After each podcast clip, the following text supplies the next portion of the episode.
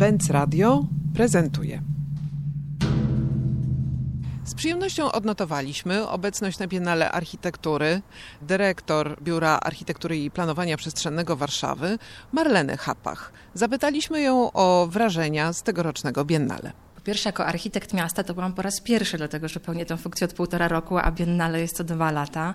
I na pewno jest to takie miejsce, gdzie ja szukam inspiracji, takich nowości, jakichś takich zupełnie nowych kierunków y, myślenia. Oczywiście, że się jakoś tak też przyglądam pod kątem, czy jest to możliwe do, wdrożenia u nas, ale raczej te projekty tam to są takie projekty, które pokazują pewne rozwiązania, które gdzieś zaistniały, albo wręcz przeciwnie, jakby w jakiś sposób wychodzą naprzeciw, wysuwają pewne refleksje. Także to, to nie zawsze jest tak, że tam jest katalog rozwiązań, które potem możemy po prostu przełożyć sobie i powiedzieć: O, to wezmę do Warszawy i w przyszłym roku będziemy to mieli na ulicy Marszałkowskiej. Ja nigdzie nie spędziłam dużo czasu, dlatego że miałam tylko dwa dni na obejście wszystkiego. W związku z tym nawet w niewiele, bardzo niewiele miejsc udało nam się w jakikolwiek sposób na chwilę chociaż powrócić. Bardzo na pewno ciekawy pawilon brytyjski, który jakby wyszedł ze swojej przestrzeni, uwolnił swoją przestrzeń i właściwie clue programu toczyło się na wybudowanym tarasie nad y, budynkiem, gdzie w dodatku jeszcze bardzo dowcipnie Brytyjczycy zafundowali nam o godzinie 16 herbatkę. Ja zawsze przyznaję, że jestem wielbicielem pawilonu australijskiego, który w ogóle jest bardzo pięknym budynkiem, jednym z najnowszych. W tym roku jeszcze się pojawił nowszy kanadyjski, ale tak to chyba jest następny w kolejności, zawieszony nad kanałem z takim ciekawym mm, wysięgnikiem. I w zeszłym Biennale w środku był zrobiony basen i mowa była w ogóle o roli wody jako takiego elementu łączącego, publicznego, ale też wykluczającego. A w tym roku ten pawilon został zamieniony właściwie w łąkę. I to tak zupełnie bezkompromisowo całe wnętrze zostało zamienione w żywy, w żywy krajobraz. Także też bardzo, bardzo ciekawe doznanie. Na pewno też ciekawe były takie pawilony, które gdzieś tam wprowadzały pewnego rodzaju mm, opowieść o zjawiskach w przestrzeni e, miasta. I tutaj na pewno e, węgierski pawilon, który pokazywał zajęcie mostu w czasie, kiedy e, miały trwać prace remontowe, które tak naprawdę się wcale tak realnie nie toczyły. Wtedy mieszkańcy jakby samowolnie wtargnęli na most i zajęli go dla siebie. I z tego są zrobione zdjęcia, rzeczywiście bardzo ciekawe. No i takie uwolnienie tej przestrzeni na konkretnym przykładzie. Bardzo też ciekawe w naszym polskim pawilonie było to bardzo ściśle powiązanie przestrzeni z takimi mm, relacjami z przyrodą, z naturą, z ruchem słońca, z pogodą, z warunkami tymi kontek tego kontekstu zastanego. Akurat w przypadku miasta to też się to mocno moim zdaniem odnosi do idei w ogóle miasta zrównoważonego, jak korzystać z tej energii, która już na miejscu jest i w jaki sposób działać, żeby dalej no, nie produkować zjawisk czy produktów, które mogłyby w възможност не sposób wpłynąć już na to miasto dla przyszłych e, pokoleń. Także pod tym względem na pewno bardzo ciekawe, ale też akurat w przypadku tego polskiego pawilonu, a inne, inne wystawy, inne pawilony odnosiły się do innych zjawisk, które też wydaje mi się, że jakoś tam są mi bliskie do takiego w ogóle kolektywnego sposobu myślenia o architekturze, o tym w jaki sposób mogą budynki, budowle czy całe zespoły narastać z czasem. Także nie tworzy się od razu obiektu, produktu zamkniętego, tylko on jakby rośnie razem z potrzebami jest wykonywany częściowo przez swoich użytkowników. To też jest taki bardzo ciekawy, myślę, że kierunek.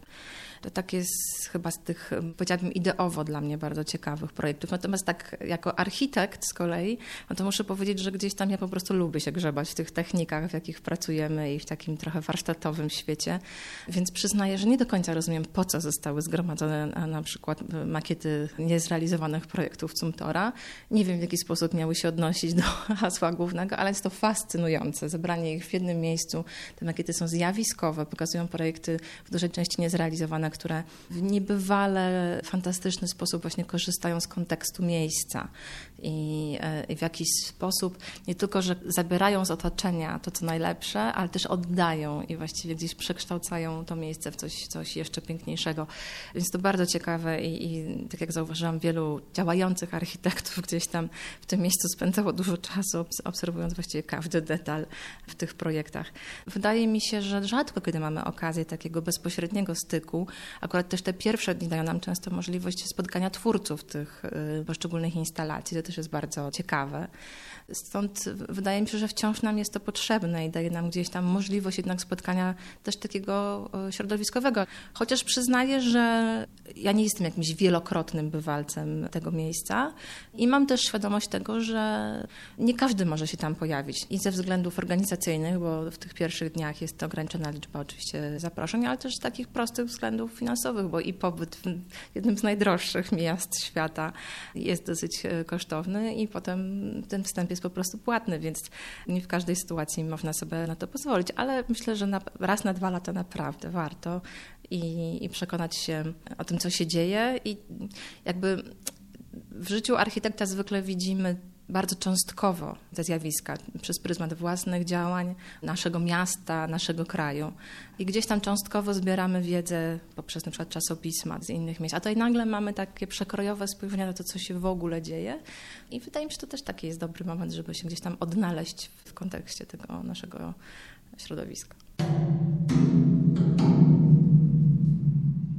Właśnie wróciłam z Biennale w e, Wenecji, które no, miałam okazję oglądać jeszcze w, tych pierwszych dniach zaraz po otwarciu i tak na, na świeżo mam różne spostrzeżenia, którymi mogę się podzielić. Ola Kędziorek, historyczka sztuki i historyczka architektury. Może jeżeli chodzi o samo, samo Biennale, no to jest taka impreza, na którą zawsze warto, warto pojechać, bo niezależnie od tego, co zaprezentują kuratorzy, zawsze w tym morzu propozycji coś bardzo ciekawego dla siebie e, można znaleźć. Ja to często oglądam też pod kątem niekoniecznie treści przedstawionych, ale też sposobów ekspozycji, bo sama przygotowuję wystawy, więc tutaj mogę znaleźć e, bardzo dużo ciekawych inspiracji, jak architekturę można pokazywać, o niej opowiadać i tak dalej, bo wystawa jakby dla architektury nie jest naturalnym sposobem prezentacji. To też myślę, że warto o tym pamiętać, jak mówimy o Biennale Architektury, że o ile sztukę na wystawę się przygotowuje, to architekturę na wystawie się tylko jakby zapośrednicza, tak? I to jest czasami jeden, jeden ze sposobów jej prezentacji i nie zawsze najlepszy. To też mi się wydaje, że było widać tutaj na na tym Biennale.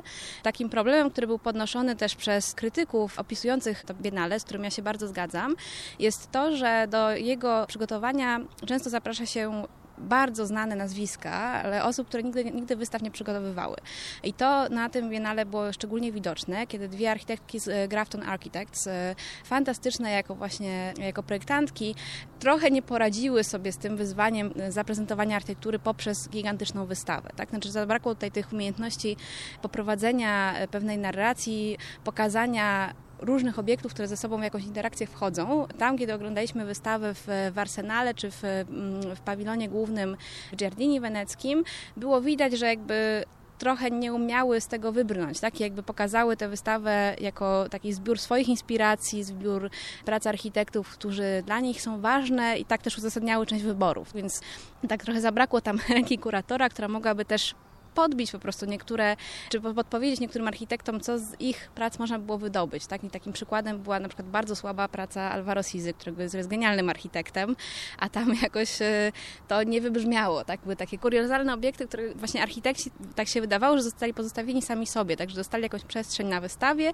którą mieli zagospodarować swoją pracą i część z nich z tego wybrnęła bardzo dobrze, a część poszła w jakieś takie tworzenie instalacji, które czasami się broniły, czasami nie. I trochę gdzieś e, z tego powodu bardzo mocno się zgadzam właśnie z tym głosem krytyki, że można byłoby pomyśleć, by na następnym Biennale przygotował kurator architektury, a takich też jest, e, jest sporo.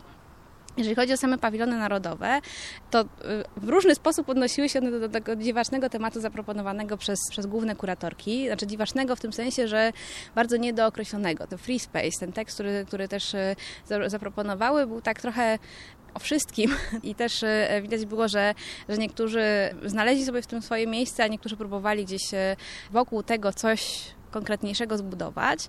Taki pawilon, który do mnie szczególnie trafił, to był położony zupełnie na uboczu pawilon estoński, który do tego tematu właściwie się nie odnosił, czy, czy, czy bardzo luźno. On opowiadał o pomnikach. O pomnikach, które dla dawnego bloku wschodniego są bardzo żywym tematem. My sami tego doświadczamy. Bardzo mocno tym tematem zajmuje się Litwa, która chociażby ostatnie Biennale w Kownie poświęciła całkowicie tematowi pomników. Jest to taki żywy temat, a Estonia go podjęła z zupełnie innej perspektywy. Zaczęła mówić o pomnikach słabych, o pomnikach, których nie ma, o pomnikach, które by się chciało, żeby były.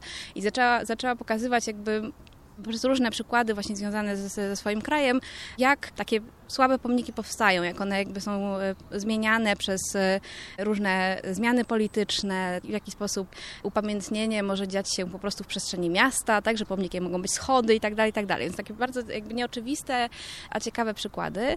Ciekawy był też ten pawilon, który dostał drugą nagrodę, dostał wyróżnienie, czyli pawilon Wielkiej Brytanii, e, który był takim mocnym gestem. Pawilon, który był zupełnie pusty, który nosił ślady użytkowania, ślady tej wystawy, która była na poprzednim Biennale, takim właśnie taką zużytą przestrzenią i dopiero z niej się wynosiliśmy, czy wznosiliśmy na dach pawilonu, gdzie e, można było jakby z tego dachu oglądać przestrzeń Wenecji i temu towarzyszyła bardzo taka ciekawa interpretacja, która mi się wydaje, że była e, bardzo taka wyważona.